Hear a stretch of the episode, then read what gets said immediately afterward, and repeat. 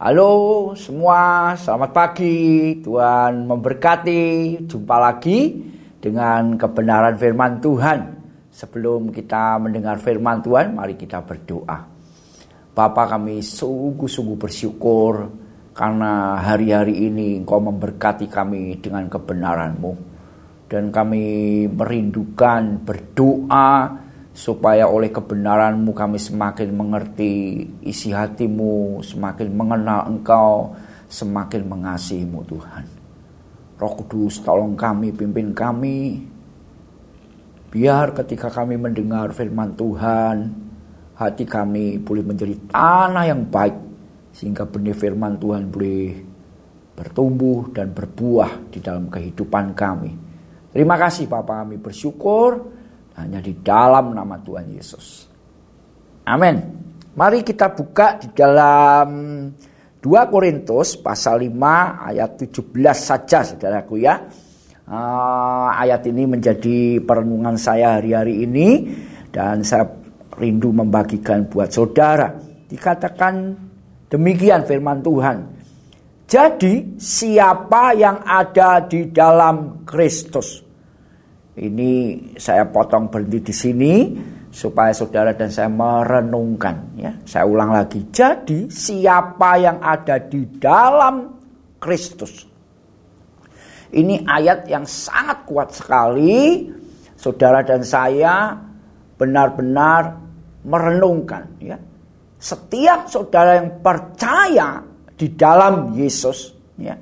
Saudara nanti kalau kita baca ayat selanjutnya ini harus menjadi benar-benar uh, satu revelasi, satu pewahyuan yang saudara dan saya mesti benar-benar alami. Ya, karena ini kunci. Ya. Nanti kita akan baca ayat yang lain yang menegaskan betapa luar biasanya siapa yang ada di dalam Kristus. Ya, ayat selanjutnya mengatakan begini, ia adalah ciptaan baru. Ini benar-benar saya merenungkan belakangan ini saya merenungkan Tuhan. Kalau aku ciptaan baru itu sebenarnya yang baru apa ya Tuhan begitu ya. Saudara aku nanti kita baca lain ayat yang lain ya. Saya lanjutkan dikatakan demikian. Yang lama sudah berlalu sesungguhnya yang baru sudah datang. Jadi barang siapa di dalam Kristus dia adalah ciptaan baru. Ini saudara dan saya mesti benar-benar merenungkan. Contoh paling gampang ya, paling real. Kalau kita ini dikatakan yang baru sudah datang, yang lama su, uh, yang yang baru sudah datang dan yang lama sudah berlalu, saudara akan merenungkan begini. Saudara dan saya menilai hari-hari ini gaya hidup kita masing-masing, saudaraku ya. Banyak yang gaya-gaya lama atau gaya-gaya baru gitu, saudaraku ya ini saudara mesti merenungkan benar-benar. Yang menarik adalah yang saya alami ya ini. Ketika saya baca firman ini dan saya merenungkan pertanyaan ini menggugah diri saya. Tuhan kalau aku di dalam engkau. Kenapa ya di dalam hidupku masih ada pikiran-pikiran yang lama saudaraku. Ya. Ini jadi perenungan saudaraku ya. Mestinya kan tidak boleh terjadi. Kalau sampai Tuhan ngomong di dalam Kristus kita ciptaan yang lama, eh, ciptaan yang baru, yang lama sudah berlalu, harusnya yang baru kita nikmati, saudaraku. Ya. Nah ini jadi perenungan benar-benar Tuhan. Kenapa ya faktanya? Seringkali pola-pola pikir lama, pola-pola cara hidup manusia lama, itu benar-benar kuat gitu saudaraku ya. Contoh ya, contoh paling gampang itu uh, apa ya? Kalau manusia lama itu biasanya gampang tersinggung namanya kayak gitu ya. Atau menyimpan kekecewaan. Atau yang lainnya banyak saudaraku. Kalau kita baca di Alkitab sangat banyak itu ciri-ciri manusia lama saudaraku ya. Hidup dalam dosa, Percaya Yesus tapi hidup-hidup dalam dosa ini kan jadi aneh begitu. Ini jadi benar-benar perenungan buat saya saudaraku ya. Terus kemudian kalau sudah merenungkan gini, ini bukti kuat sekali bahwa saudara dan saya harus pertama mempercayai apa yang Tuhan katakan ya kalau Tuhan sampai ngomong di dalam Kristus kita adalah ciptaan baru kita ya dan amin tapi setelah itu melangkah kepada hal yang berikutnya saya akan bacakan di dalam Kolose pasal 2 saudaraku ya dikatakan demikian karena itu matikanlah dalam dirimu segala sesuatu yang duniawi. Yaitu percabulan, kenajisan, hawa nafsu, nafsu jahat, dan juga keserakan yang sama dengan penyembahan berhala. Semuanya itu mendatangkan murka Allah. Dahulu kamu juga melakukan hal-hal itu ketika kamu hidup di dalamnya. Tetapi sekarang buanglah semuanya ini, yaitu marah, geram, kejahatan, fitnah, dan kata-kata kotor yang keluar dari mulutmu.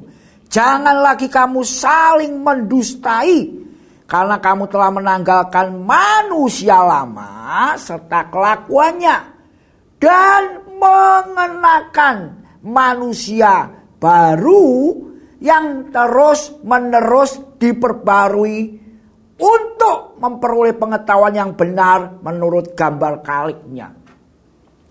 Ini waktu saya merenungkan ini saudaraku, memang fakta yang ada manusia baru di dalam Kristus itu menurut perenungan saya memang masih dalam cangkang manusia lama saudara. Jadi di dalam hidup kita ini kalau kita menyadari benar-benar seakan-akan ya ada dua manusia begitu saudara ya. Satunya manusia baru, satunya manusia lama. Manusia lamanya ini tidak mau dia manusia barunya bertumbuh, makanya dia hajar terus supaya manusia baru tidak tumbuh dalam hidup kita. Lah ini perenungan saya saudaraku.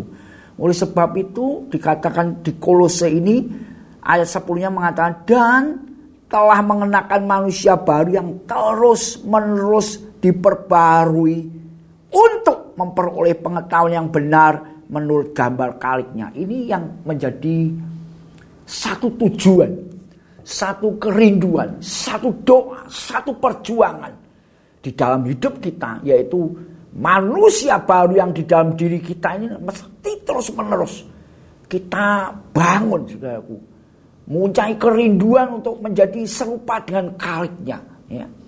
Kita sudah sering kali dengar, kita ini punya tujuan, punya panggilan untuk menjadi serupa dengan Yesus Tuhan. Nah inilah ciptaan baru, saudaraku.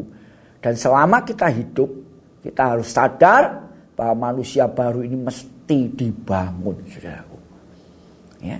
Kalau firman Tuhan yang lain saya bisa bandingkan dengan seperti ini. Dikatakan bahwa di dalam hidup kita orang percaya itu ada benih ilahi. Dikatakan benih ilahi loh ya, benih. Namanya benih itu belum jadi apa-apa saudaraku. Ya, kalau tumbuhan pun dia masih kecil, dia butuh dirawat. Supaya benih ini tumbuh, tumbuh, tumbuh, tumbuh besar dan menjadi pohon. Ya, benih yang tidak fana, benih yang tidak bisa berbuat dosa ini harus dipelihara. Kalau tidak benih itu mati saudaraku. Sama. Di dalam Kristus.